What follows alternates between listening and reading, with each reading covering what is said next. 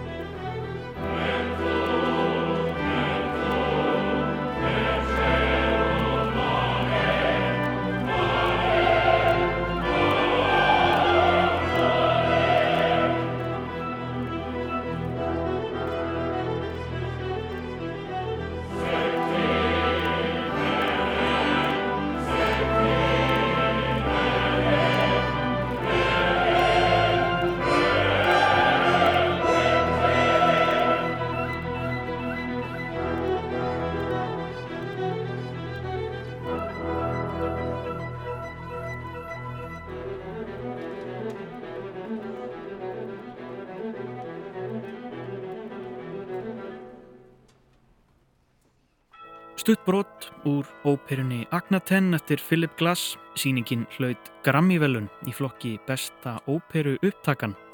En sópransöngunan Dísela Lárusdóttir fór þar með stort hlutverk og var einn þeirra sem tók á móti grammafóninum Gilda í Las Vegas í nótt.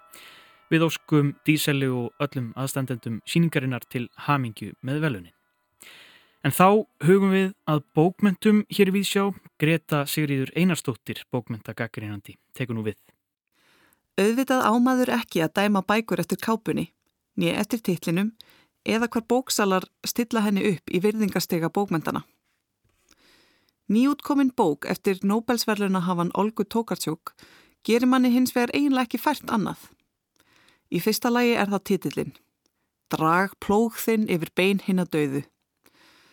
Línan myndi sóma sér vel í samhengi metalhljómsveita en er tekin úr skrefum William Blake, enska forromantíska skáldsins sem skrifaði meðal annars um sakleysi náttúrunar á móti syndum mannlífsins.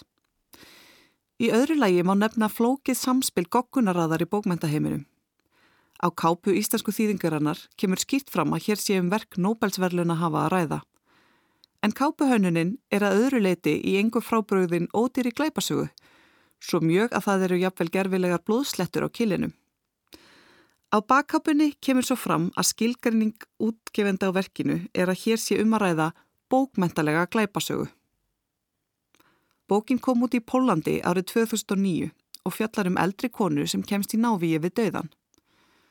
Hinn tilgerðarlega flokkun á því að vissuleiti rétt á sér því þó að bókin sé glæpasaga er langt frá því að svo lýsing sé tæmandi miða við það sem er ríkjandi í glæpasögu hefðinni. Döðsföllin eru í auka hlutverki stærstan part frásagnarinnar og falla í skuggan af tilvistarspekilegum vangaveldum, siðferðislegum spurningum um virði lífa manna og dýra og svo sem er í hlutverki spæjarans leggur ekki mikla áherslu á leitina að svörum. Sögumæðurinn er Janína, eldri heilsuveil kona sem hefur gríðarlegan áhuga á stjörnusbeki og verkum William Blake. Hún er eina fáum íbúum sumardvalabæjar á landamærum Pólans og Tjekklands sem hefur þar vetursetu. En líf hennar er þjætt seti draugum og sorgum. Hún þjáist af ýmsum líkamlegum kvillum sem há henni í daglegu lífi en eitt sá versti er að tárin streyma oft niður andlit hennar án þess að hún ráði við neitt. Jannína er á skjön við samfélagið en á nokkra góða vini. Þegar nágranni hennar finnst látin er hrindast að atbyrðarás sem Jannínu hefði ekki getað órað fyrir. Döðsfell mannana sem verða allt í kringum Jannínu trubla hana í raun ekki mikið en henni er þeimun meira í mun að stöðva veiðarnar sem eiga sér stað í skóginum og annað ofbeldi gegn dýrum. Hún reykur innblásin áráður fyrir því að ofbeldi og dráp séu jafn óhugnaleg hverjar tegundar sem fórnarlömpin eru en talar fyrir döfum eirum fólks sem lítur á dýradráp sem eðlilegan hluta mannleg samfélags. Jannína er ósamála sumum reglum samfélagsins og einbúa lífverðni hennar gerir henni klift að skapa sér sínar eigin reglur. Í þangagangi sínum notar hún til að mynda sjálfnast nöfn sem fólk ber, heldur gefur þeim nýnöfn sem henni finnst falla betur að persónuleika þeirra, sama ber nágranna hennar, drömb og háfeta. Hún gefur fólki nöfn eins og við nöfnum gæludýr. Andi William Blake svífur yfir vötnum í allri bókinni og eitt af enginnum ljóða hans er að hann notaði oft stóra stafi í upphafi nafnorða sem ekki eru sérnöfn. Höfundur gerir það sama hér og notar til dæmis stóra stafi þegar sögumadur minnist á dýr. Þessi atriði stuðlað því að draga úr muninum á milli mismunandi lífvera á jörðinni og þurka út línuna sem við höfum dreyið milli manna og dýra. Það er dimt yfir bókinni og það er ekki bara vegna þess að það er vetur í Pólandi.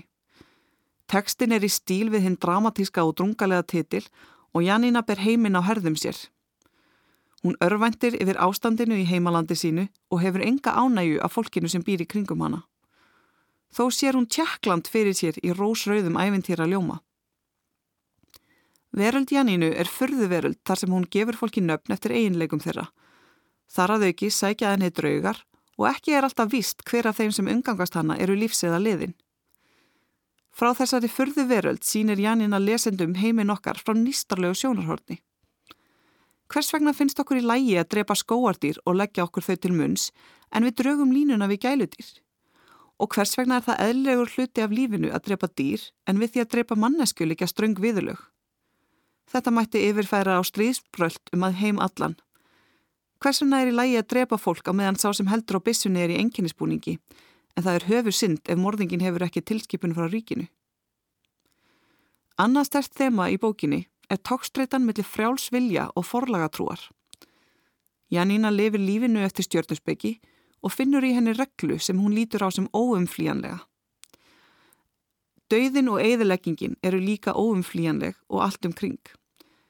Þegar Janina sér óleta konu lesa dagblad veldur hún því fyrir sér hvernig hægt sé að vita allt þetta án þess að missa fórstur.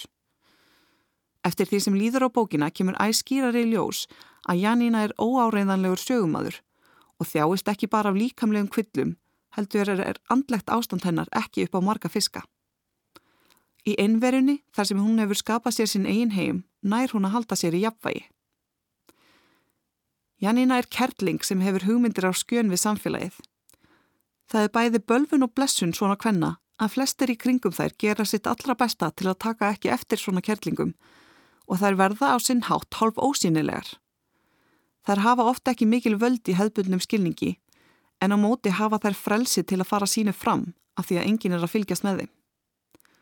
Það er eitthvað alveg frábært við að lesa um kettlingu sem hefur sterkar skoðanir og er fullkomlega sama um reglur samfélagsins sem reynir sitt besta til að hunsa hana.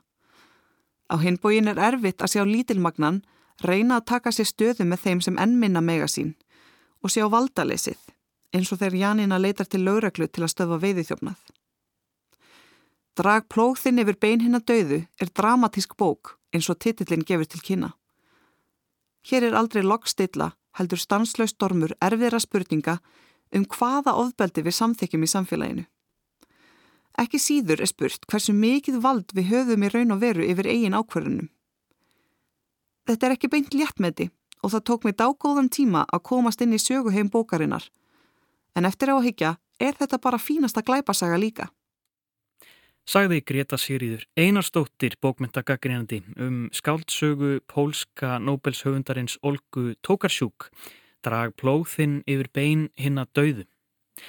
En við höfum því næst að tónlist, söngkópurinn Voces Tules fagnar 30 ára starfsammali með tónleikum í salnum í Kópavogi annað kvöld.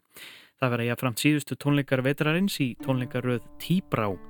Ég settist niður með Sigurði Haldórsinni, söngvara og einum liðsmanna Voces Túles og rætti við hann um gamla músik.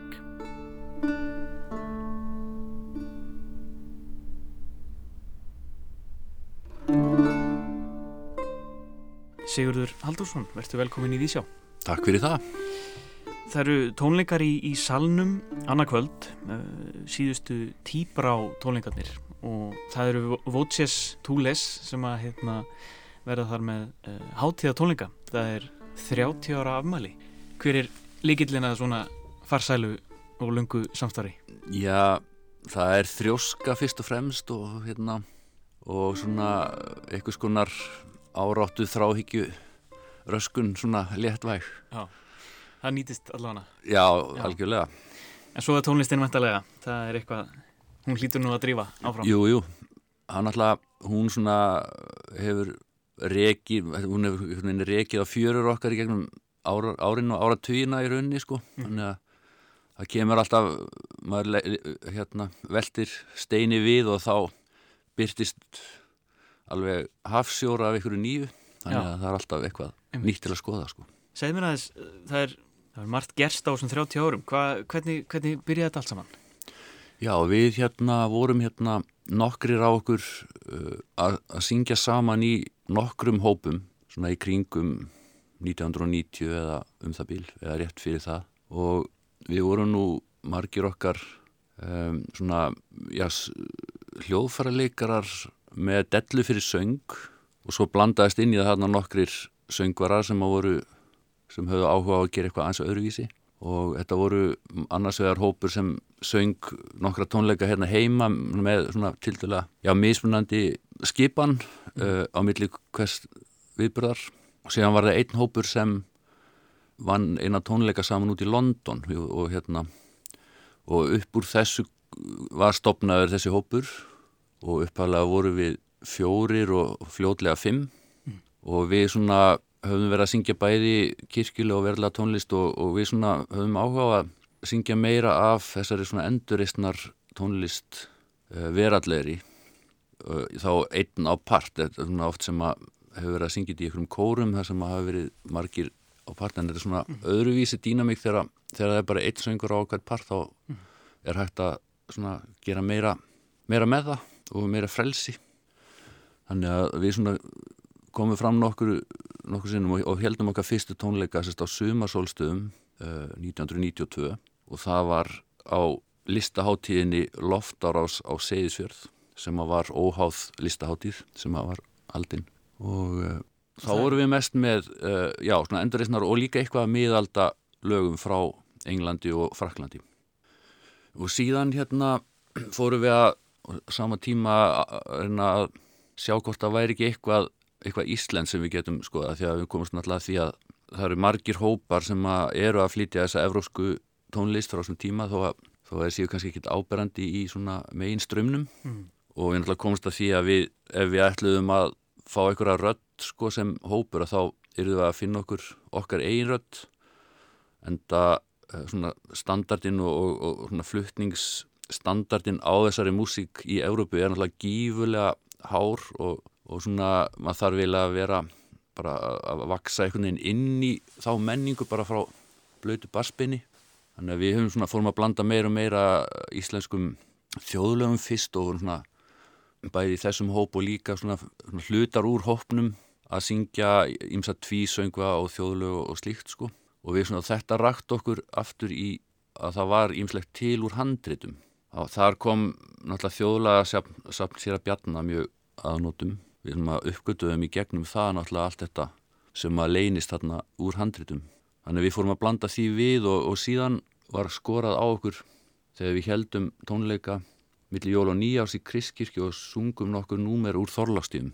Það var reyndar faði minn heitin sem stakk upp á þessu uppalega að við erum að bara flytja allar þessar tíðir, Þorlastíðina. Þetta var þetta er náttúrulega merkilegasta tónlistarhandrit fyrir og síðar á Íslandi og hérna algjörlega einstakt. Og við vorum náttúrulega nógu vittlisir að taka áskurðun þannig að það, það voru eiginlega næstu svona já, tíu, minnstakosti tíu ár sem, að, sem við vorum að vinna við það á þannig að það kom út. Deus in adiutorium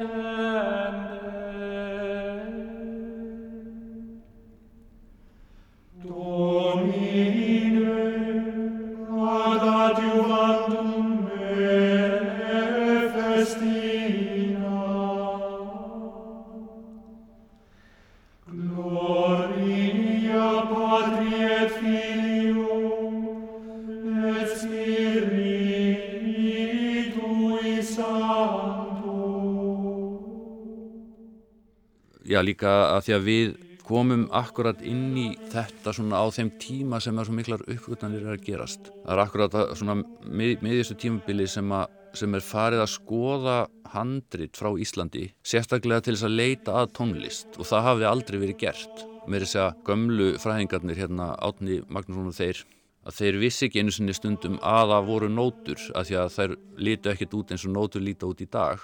Þannig að það er fullt af handritum sem voru sem voru ekki geimt bara því að það var einhver texti sem var til í öðru handriti eða eitthvað en þá voru kannski nótur eða naumur skrifaðar mm. sem að fólk vissi ekki einu sinna að væri sko vísbending um laglínur eða, eða slíkt sko. Mm. Kringum aldamótin og þá var það eiginlega hálfur vakning í að fletta handrættum og skoða þau öll til til þessa og, og upp úr því sapnaðist fullt af efni sem að Eh, sem bara í rauninni enginn var búin að skoða og, og rannsaka og þannig að þá fór þetta að dreifast bæði sko til fræðimanna, handréttafræðinga og bara ímissafræðimanna og tónlistamanna, tónskálda og þá kom gífurlega mikil vakning að nýta þessi þetta efni í, í, í nýsköpun og að, að semja ný, nýja tónlist uh, til dæmis það var stopnun í tengslum við skálholdi eða sumatónleika skálholdi sem hétt Collegium Musicum og það stóð fyrir mjög öflugu starfi og sumatónleikar í skálhaldi gáð út slatta af geisladiskum í samstarfi við uh, smekkleysu það sem einmitt var bara beinlinis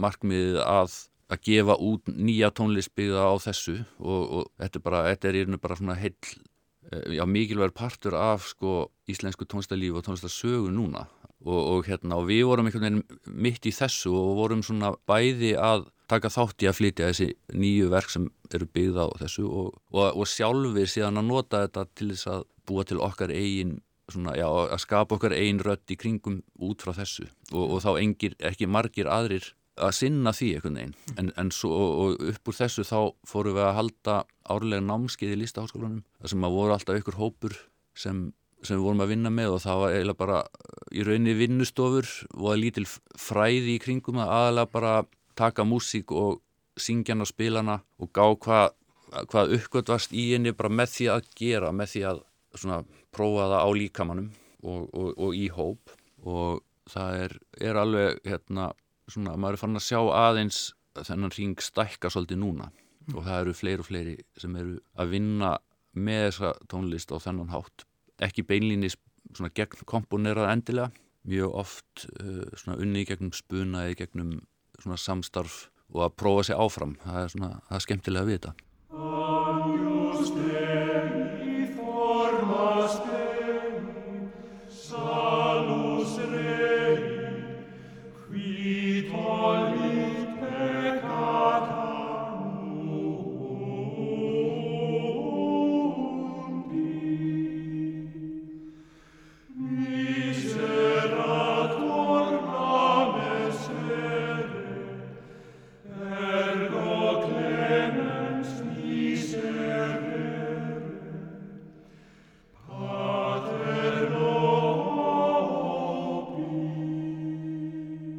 Og þið verðum með mikla tónlistar veistlu í, í salnum annarkvöld. Hvernig, hvernig er dagskrafin? Hvaða, hvaða músik verður í fórgrunni? Verður bara allt undir? Já, við, það er allt undir svona, svo náttúrulega þurftum við að velja á endanum og, og hérna, en það er, það má að segja þetta svona spanni megnið af okkar svona eh, efnisgrám. Uh, við tökum efni úr þorlástíðum sem við höfum útsett og við erum með uh, músík sem, sem höfum samið sjálfur við gömul kvæði, uh, ettu kvæði og við erum með lög úr uh, störlungu sem við höfum gefið út líka hérna fyrir nokkrum árum. Við erum með vísur eftir Jón Arason, nýtt verk eftir Svein Lúðvík Björnsson sem er við textan Anjú Stey úr klassísku messunni og við erum með texta eftir Gretti sem Arngerður Marja Árnadóttir samti fyrir okkur, hún spilaði og söng með okkur á tímabili og uh, við erum með völusbá til dæmis, hluta úr því. Og það er uh, efni sem við munni að hluta til saman en er svona mest já, kannski mest formulerað af Egert Pálssoni sem er einn af meðlumum hósins og hann er svona mjög atkvæða mikill í að setja niður tón uh, laglínur uh, bæði út frá gömlum laglínum og líka einhverjar sem hann heyrir bara. Já þannig að við erum svona þetta bland af verallegu og, og trúalegu efni og, og þess að goðafræði og hinn og þessu. Og svo eru við líka uh, svo ætlum við að bresta í, í söngdansa í lokin. Þannig að við erum svona að leita líka já svona að, að nýta þetta tækifæri til þess að fara út fyrir söngin já fara út fyrir það og líka bara að búa til einhverja afleggjara sem að styðja við hluti til mig sem að sem að hefur verið að gerast í að svona búa til, eða endurvekja eitthvað skonar uh, danshefð sem á rætur að rekja langt aftur í aldir. Gloria in excelsis Deo et in terra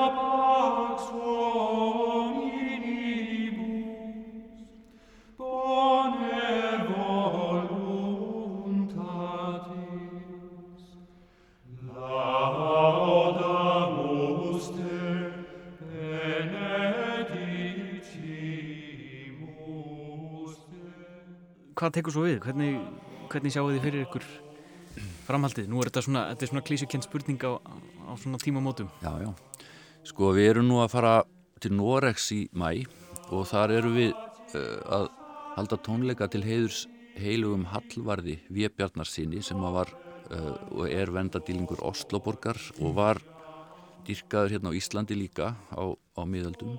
Hans uh, svona fæðingadagur er sagðu vera árið 1020 þannig að fyrir tveimur árum þá stóð til að við myndum halda upp á þúsund ára ammælans við þetta tækifæri. Þetta er sérst messa Hallvarðar er 15. mæ og er haldinn hátilega á hverju ári í Oslo en svo út af COVID þá mistu við af þúsund ára ammælinu og og það, það var, því að var frestað um ár og svo var ég aftur frestað mm -hmm. þannig að við fáum að halda upp á 1002 ára ammæli hallvarðar í, í Oslo og, og uh, við munum fá með okkur miðalda fyrirleikara Elisabeth Gaver sem, er, sem býr í Oslo er eitt svona helsti miðalda tónlistamæður heims og uh, hún kemur líka hingað og tekur þátt sem, sem, sem gestalistamaður á námskeiðin okkar í listaháskólanum sem að verður líka í, í, í loka april og byrjun mæ svo eru íms sko svona það eru ímis tilbóð að koma fram á ímsum hátíðum bæði í Eistrasalslöndum og Breitlandsegjum og víðar sko þannig að við erum svona ekki alveg að baki dotnir þrátt fyrir árin sko en, er, en allavega núna, þetta er búið að vera mjög góður tími núna bara og ég er mjög ánægð með að við skilum nýta þetta tækifæri til að vinna töluvert magna á nýju efni sem að munum svona nýta okkur, nýtast okkur á næstu misserum. Þannig að það er nú framöndan uh, Sigur Haldarsson Votsés Túles til hamingju með afmæli uh, söngkópsins og, og uh, gangi ykkur vel. Takk kærlega fyrir spjallið. Takk kærlega sem leis Uppskaltu á kjölkífa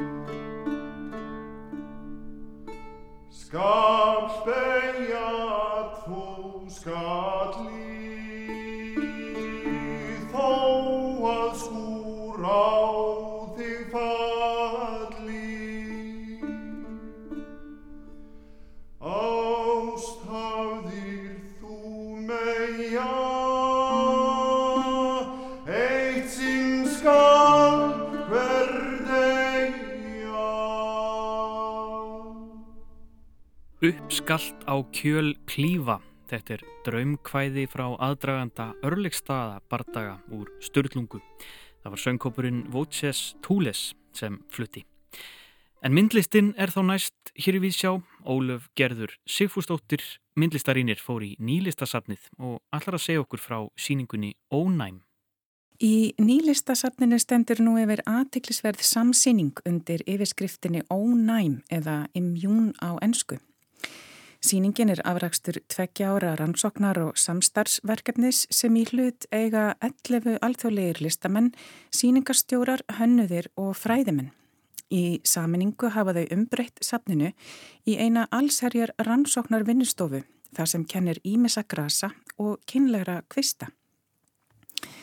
Útgangspunktur síningarinnar er ferðabók Eggerts Ólafssonar og Bjarnar Pálssonar, heið stórmerkarið sem pantað var af dönsku krúnunni um miðja átjóndöldina og kom út fyrst á dönsku árið 1772. Það var ekki fyrir um 170 árum síðar að það var gefið út á íslensku eða um það leiti sem ístækningar hluti sjálfstæði frá dönum. Þeir Eggert og Bjarni ferðuðust um landið í heil 5 ár rannsökuðu náttúru Íslands og skrásettu bálegar aðstæður í búana og atvinnu vegi á samt því að leggja fram tillögur um hvernig væri hægt að gera búsitu í landinu ákjósanlegri. Verkefni sem þeim var sett fyrir var að meta nýtingarkosti eginar og afmáum leið áður ríkjandi góðsagnir um íbúana sem villimenn á jæðri Evrópu í sambíli við sæskrimsli og óurleg náttúruöfl. En ásetningur danska konungsins var að koma skikki á landið og finna leiðir til að nýta það sem best sem hjálendu og þar með uppsprettu auðs fyrir konungsveldið. Ferðabók þeirra Eggerts og Bjarnar er fyrsta áreðanlega og ítarlega lýsingin á Íslandi og Íslendingum og hefur hún verið mikil uppspretta fræðilegra rannsókna og umræðu innan akademíunar á undanförnum árum.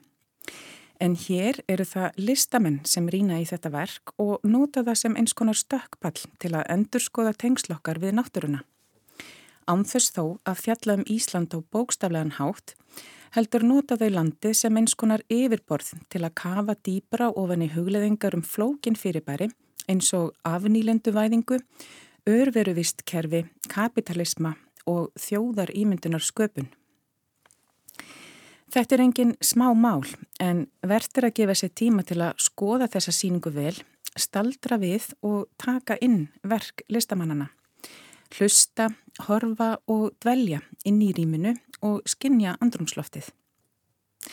Sýningin er byggð upp í kringum nokkur afmörkuð viðfangsefni, eins konar rannsóknar stöðuvar sem mertar eru með litlum miðum á veggjum og stundum ógreinilegu bleki. Líta má á hverja stöðu sem upphafsreit samtals um núverandi tengsl, samfélags og nátturu sem listamennir rýna í hver á sinn hátt og varpað upp framtíðar sínum og spekulasjónum um þessi tengsl. Á hverju stöð eru rannsóknar áherslunar mertar með yfirskriftum eins og postulín, íslenski bananinn, saltfiskur, mór og hafnir þar sem sjónum er beintað ráefni, auðlendum og efnahagskerfum. Auk þessi runni með fyrir bara rannsókn á eins konar metaleveli undir yfirskriftinni gagnasöfnun. Verk listamannana renna saman í stórum innsetningum í rýminu og dreifast kringum hvort annað í einni samfellu. Það er augljást að hér er eignarhald einstakra verka ekki aðalatriðið heldur merkingin sem heldin skapar. Sýningarstjóri er Bryndís Björstóttir sem einnig er starfandi listamæður og hefur henni tekist vel að skapa áhugaverða umgjörð utanum flókin viðfangsefni og leiða ferlið sem síningin er afrakstur af. Hvert og eitt verk ávarpar svo þessa umgjörð á álitin og augrandi hátt. Þetta er sem sagt síning í anda þeirrar síningagerðar sem kennir sig við aktivisma því hún varpar fram áleitum spurningum um pólitíska, samfélagslega og efnahagslega þætti sem varða náttúruna og umgengni okkar við hana. Ekki engungu eru viðfangsefnin sem listamennir hafa valið að fjalla um áhugaverð í sjálfu sér heldur er samsetning hópsins einnig áhugaverð í ljósi bakgrunns og listrætna vinnuafræða. Hópurinn kemur úr ólíkum áttum og myndar þannig sjálfur áhugavert vistkerfi hugmynda og vennsla millir landa og menningarsveða. Það er hressandi að fá svo ólík sjónamið inn á gólf nýlistarsapsins sér í lægi þar sem listamennunum tekst að halda sig frá því að fjalla bókstallega um eigin bakgrunn sem annars spannar allt frá Grænlandi yfir til Evrópu og allarleið til Pakistan. Þau nota þennan bakgrunn miklu fremur sem flöt til að varpa pólitískum spurningum á sem ekki eru bundnar við tiltekna landfræðilega legu en opna þessi stað á möguleikan á nýri venslahugsun og íta enn frekar við reyfanleika hugmyndana sem þau ganga út frá. Þá fylgir síningunni ríkuleg viðbröðarskrá þar sem tækifæri gefst að rýna enn frekar í það sem vakir fyrir þessum áhugaverða hópi fólks, ímist í formi vinnustofa, gjörninga eða óbyrna samræða eins og fór fram um nýliðna helgi. Á þennan hátt má segja að síningin sé miklu meir en síning. Hún er í raun það sem breski fræðimaðurinn Irit Rokov kallar þekkingar viðburð og nær langt út fyrir veggi sapsins. Í þessu fælst að beita síningagerðinni sjálfri sem gaggrínu greiningatæki á þá þekkingu sem fyrir er. Sem sagt að skoða meðvitað inn í hvaða þekkingargrunn, kerfi og sögulegt samhengi viðkomandi síning talar.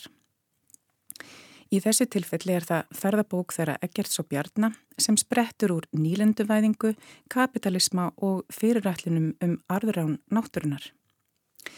Þannig má líta á þessa síningu sem eins konar sögn, pólitíska sögn sem setur fram tiltakið þema á meðvitaðan, gaggrinin og greinandi hátt sem aftur afhjúpast í meðförum listamannana sem hér eiga í hlut. Sem áhörvendur þurfum við að grafa eftir þessari merkingu og því gerir síningin tölvera kröfur til sapgjasta. Þessi merking afhjúpast í hverju verkana og enn frekar í veglegri síningaskrá sem státar af innihaldsrikum tekstum um viðfangsefnið frá sjónarhóli listamannana sjálfra. Verkin eru misjaflega aðgengilega en öll vekja þau upp áletnar og áhugaverðar spurningar um samband okkur við náttúruna og eru ákall til endurstillingar og endur hugsunar á því. Sagði Ólöf Gerður Sigfúrsdóttir um síninguna Ónæm eða Immune sem nú stendur yfir í nýlistasafninu. Og við höldum okkur við myndlistina. Við fyrstu sín ennkennist listaverkasafn Hardís af fjölbreytni sem stundum er erfitt að henda reyður á. Vissulega er þar að finna verk eftir helstu máttarstólpa íslenskar myndlistar á 20. stöld. Hins vegar er Hardí augljóslega ekki á höttum eftir típiskum verkum þessara listamanna. Þeim sem mótað hafa viðhorf Íslandinga sjálfra til þeirra heldur velur yðurlega verk sem sína á þeim nýjar eða að minnstakosti óvæntar hlýðar. Svo ritaði aðalsteinn Ingólfsson um listaverkasafn Anthony J. Hardy þegar að sett var upp síning á safni hans af íslenskri myndlist í Hong Kong árið 2013. Anthony Hardy var kjörraðismæður Íslands í Hong Kong þar sem hann starfaði um áratuga skeið í þáu Íslandinga. Hardy heimsótti Ísland margóft og fjall fyrir landi og þjóð en fyrst og fremst kolfjallan fyrir íslenskri myndlist. Verandi ástriðufullur sapnari sett hann sig í samband við Galleri Fold og sagðist vilja koma sér upp sapni og þar með hófst ástriðufull söpnun hans á íslenskri myndlist. Halla leiti við í Galleri Fold og rætti við Jóhann Ágúst Hansen um sapnið og mannin á bakvið það. Jón Ágúst, við erum búin að lappa hérna um salina, þetta er alveg ótrúlegt sapn, stórt og mikið sapn og virkilega fjölbreytt, við sjáum hérna bara miniatúra listasögu Íslands 20. aldarinnar. Um, Kanski er svona alltaf að byrja með, ég er alltaf sérstaklega forvitin að vita bara hver maður hann á baku sapnið er, hver, hver er þessi Anthony J. Hardy? Anthony J. Hardy, hann er breyti og sem hefur verið búsettur í Hong Kong síðan á já, sjönda áratunum fluttið þángað til þess að fara að vinna hjá skipafélagi sem hann eh, hefur verið viðlóðandi síðan og efnaðist mjög mikið og hann er svona alveg típisku breyti ef við getur ímyndað það svona mikil gentleman en hann er mjög svona persónlega þá er hann mjög blíður og, og góður maður svona gott að ræða við hann og veit mikið sérstaklega um list. Mér er mikill safnari allæfi og eh, hann og setni konna sem voru mjög stóri safnarar í kynverskri list og svona bronsi og antíks og þess aftar og hann síðan hefur, kemur fæð svona áhuga á Íslandi og hefur hérna Nú fyrir ljósutunum vel í gang, það er alltaf að gerast inn í galerínu Eða lefin að klára hérna Já. Já, nú byrjar hún að prenta. Mikið um að vera hérna í dag. Það er alltaf, alltaf mikið um að vera hérna í gallerínu Hvert voru komin?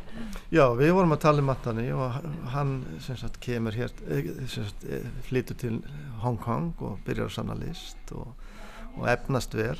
En uh, áhuga hans á Íslandi kemur líklega gegnum það að hann er beðan um að vera kjörraðismæður Íslands í Hong Kong.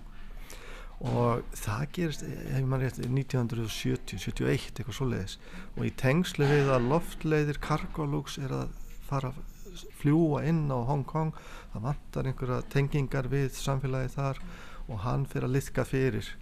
Og þessu starfi gegnar hann síðan í 30 ár alveg til held í 2009 yeah. Og eh, er þar sem alltaf litka fyrir Íslandi og kemur þar að leiðandi mjög oft til Íslands mm -hmm. og egnar sinna mikla vini góðu vinur fórsetans, viktísar á þeim tíma og, og margra í auðaríkist þjónustunni og þannig svona kveiknar þessi einlægi áhugi á íslensku samfélagi og íslenska list mm -hmm. ég held að eins og með svo marga sem hérna kynnast þjóðinni svona nánar heldur en að bara koma sem ferðalangar. Og þá vaknar svona áhug og það gerist til honum. Kemur hann þá bara hérna til þín í gallerið og nálgast þig og sem aðstofamann í þessari söfnun? Eða hvernig gengur svona fyrir sig þegar menn vilja byrja að safna? Já, það eru þetta margar leiðir sem fólk fyrir en hans tilfelli þá bara kom hann hérna inn og bara fór að tala um þetta og fór að skoða og svo fór hann að kaupa eitt og eitt verk og, og það þróast síðan í bara mikla vinátt á milli okkar. Við höfum verið að ræða um alls konar allt á milli heimins og jarðar alltaf og, og sérstaklega um samt íslenska listamenn og, og ég hef verið aðstofan gegn tíðan að finna veist, um hvern og eitt listamann og, og þá svona vaknar alltaf meira og meira og meira áhugi og sem endar í þeirri hugmynd að setja upp síningu á íslenski list í Hong Kong. Og þetta er auðvitað kringum 2008 8-9 sem að svo hugmynd svona fæðist. Og þá fer þetta svona að verða markvissara. Þá, þá, þá fær hann þessa hugmyndum að það veri gaman að sína bara sögu íslenska listasögu sagt, og, og á sem fjölbreytastarna hátt því að það er þetta fáir sem vita eitthvað um hana í Hong Kong. Og þess vegna er safnaði svolítið svona einstakt. Þetta er, þetta er ekki svo margir fókusa, safnar að fókusa á kannski abstrakt list eða ákveði tímabil eða ákveða stefnu eða eitthvað svona. Hjá honum er það bara Ísland. Já. og hann hefur þetta gestsauga og kemur alveg fordóma laus að söfnunni þannig að hann er ekki svona eins og við myndum hugsa já, ef ég ætti að kaupa mér eitthvað list já, þá fer ég í skefing, kjarval eitthvað, svona, eitthvað sem okkur hefur sagt þetta eru listamenninir með stórum greini og stórum staf og, og hérna og, en hjá honum þá bara var það, já þetta er ákveða verið mynd hver er þetta? Og þá og hann hefur og alltaf haft gott auga þannig að eintökin sem hann sá jafnvel eftir listamenn sem kannski innan gæsalappa voru ekki taldir eins virtir og sumir að þá fann hann góð eintök sem þessi listamenn hefði gert og þannig gerir hann sagt þetta sapsitt bara frá rétt um eða rétt fyrir 1900 meira segja elstu myndinar til bara dagsins í dag eða 2019 held ég að sé nýjasta verkið sko Einmitt, þetta er mjög fjölbreytt. En segðu mér frá þessari síningu sem var þá í Hong Kong 2013. Hvernig voru viðbröðin, hvernig var hún sótt og hvernig, hvernig voru viðbröðin við henni? Þetta var mjög áhugavert. Ég fór þarna út sem síningastjóri og þegar ég kem út þá var, þá var bara salinni tómir og öll listaverkin sem hefði verið sendan út í bara stórum kössum, trékössum og við hérna í gallerínu hérna heima við erum bara verið því að gangi öll störf og, og fara að setja upp. Þarna var bara her hjálparmanna sem bara byrja að taka upp úr kassanum og ganga um og við settum semst upp þessa síningu í hvað, þri, fjórum sölum sem, sem í hjá háskóla listasafninu í Hong Kong. Og þar var uh, sapstjóri sem var reyndar bara ný ráðinn á þeim tíma og hérna Florian Gnoth heitir hann. Og við sem sagt vorum síningastjórar í saminningu og settum þetta upp. Og á opnunni þá kom það mér mjög óvart að það voru, það bara mættu mjög margir, það var alveg bara húsfyllir af alls konar fólki. Og bæði innfættum og brettum og, og allir með mikinn áhuga og, og, og, þetta var svona svolítið formlegra heldur en er hér á opnunum þarna var sagt, borði strengtur yfir og við kliftum á borðan með sendiherranum og sapstjórunum og, og, hérna, þannig, það var haldna ræður og svona. Þannig að það var mjög skemmtilegt. Og ég var nú þannig í halva mánu í viðbót og á þenn tíma þá var alltaf trafík og svo svona listaklúpur þarna eða svona art society þau höfðu mikið áhuga að fræðast um íslenska list þannig að ég setti saman fyrirlestur og, og það var vel sótt og þannig að já ég er að segja áhuga var mjög mikill Einmitt. Enda stemduð að því að fara á eitthvað ferðalag með síninguna, var það ekki þannig? Jú, það var svona hugmyndin að, að hérna eftir þessa síningu að fara kannski víðar í Kína eh, til Peking eh, eða Shanghai. Og en það einhvern veginn eh, gerðist síðan ekki. En vegna þessara fyrir eða áætlana þá hérna þá held hann áfram að safna. Og gaf eiginlega meira í bara ef eitthvað er og kefti fleiri og fleiri, fleiri verk. En við ákvæmum að senda þau ekki til Hong Kong fyrir að það væri ákveðið hvað er það. Kannski áttuð að fara til Peking kannski áttuð að fara til mm -hmm. Shanghai. Þannig að þau voru bara hér. En svo er að koma því að, að 2019 eða fyrir að líða 2019 og þá verður Antoni áttræður. Og þá ákveðan bara ok, nú er þetta komast svona á einhvern endapunkt kannski. Og þannig að hann ákveður í staði fyrir að fá þetta allt út að bjóða bara allir stórfjölskyldunum til Íslands og halda ammaliðsbóð og sína öll þessi verk. Og við gerðum það sagt, í ágúst 2019 þá settum við upp síningu hérna á öllum þessu verkum. Við raun og veru kannski bara meira fyrir fjölskyldunans heldur en almenning. Mm -hmm. en hann samt gaf út nýja bók eins og hann gerði fyrir síninguna 2013 þannig að núna er komna tvær hundra og eitthvað blaðsynna bækur með ljósmyndum að öllum þessum verkum og upplýsingum um alla þessa listamenn og þetta sagt, þessa, þessi verk sem eru hér á uppáðinu eru þá í þessari segni bók mm.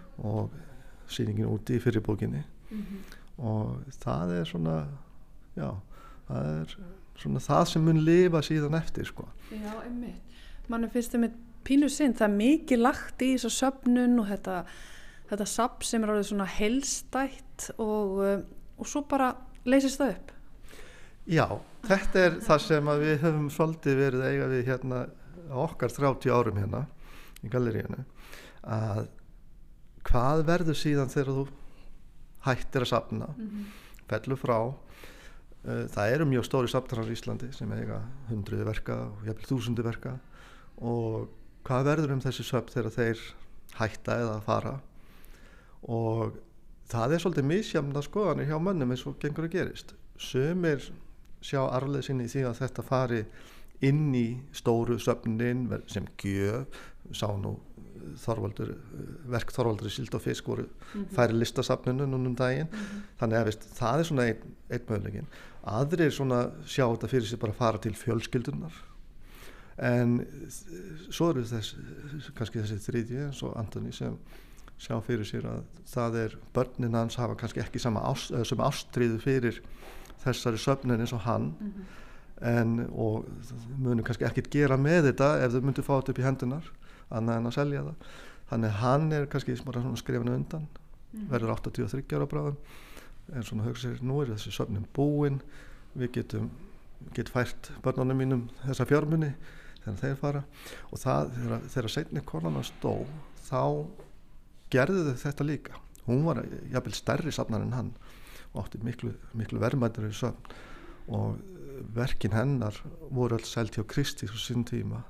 Og hann sagði mér að þeim fjármunum var bara dreift til allara stórfjölskyldan. Ekki bara það sem var í skilgjendir erfingar, heldur bara öll stórfjölskyldan fekk að njóta. Mm -hmm. þannig að það er misjöfn sín sem safnarar hafa fyrir hvern á ljúka söfnunni Já, það lítur að vera svolítið svona ljúfsár tilfinning en eh, ég velti fyrir mér eh, þessi Anthony, vinnurðinn hver svona, hvert hans uppleg hafi verið í byrjun, Hva, hvert hver var, á hvaða vekkferðin var hann með þessa söfnun sem að núna er að leysast upp? Veistu það? Fyrst og fremst þá held ég að verið til þess að kynna íslenska list fyrir íbúðum Hongkong hann var búin að vinna við það í 30 ára að hjálpa íslendingum og með fram sínum störfum. Og það var held ég hans helsta markmið. Bara að kynna þessa list fyrir þjóðinni. Og já, ég held að markmiðið hafi ekkert verið mikið meira en það í þessu. Og hann, hann er mikil samnari á þar sem einsku kallað maritime art eða svona sjó sögu Hong Kong til dæmis. Og á mjög stort og vermast samt þar og hefur verið að koma því á framfæri í gegnum sjóminnasamnið í Hong Kong þar sem hann satt í stjórn þannig að hans svona hugsun hefur alltaf verið að miðla út á við mm -hmm. hann er ekki að sapna til að hafa þetta bara hjá sér og eitthvað svona heldur freka kannski til þess að bara sína öllum. Það verður áherslu að sjá upp í hvaða einingar þetta mun leysast er búið að bjóða mikið í þetta? Það er komið svolítið og það sem er kannski líka skemmtilegt að við svona uppbóðsýningar hér sjáum við safnið hans og svona almennt á uppbóðum og þá erum við að sjá myndir frá engaðalum sem hafa kannski verið í 20, 30, 40, 50 ár inn á heimilum. Þannig að núna er tækifæri til að skoða hvort það vil bjóði í eða ekki skoða verkin, njóta þeirra, þau eru til sínis þannig að um að gera njóta þess. Mm -hmm. Við skulum gera það núna, Lappetring, takk uh, Jóhann fyrir að deila þessu með okkur og gangi ykkur vel með þetta uppbóð hjá vinninum honum Anthony J. Hardy Þakka þér fyrir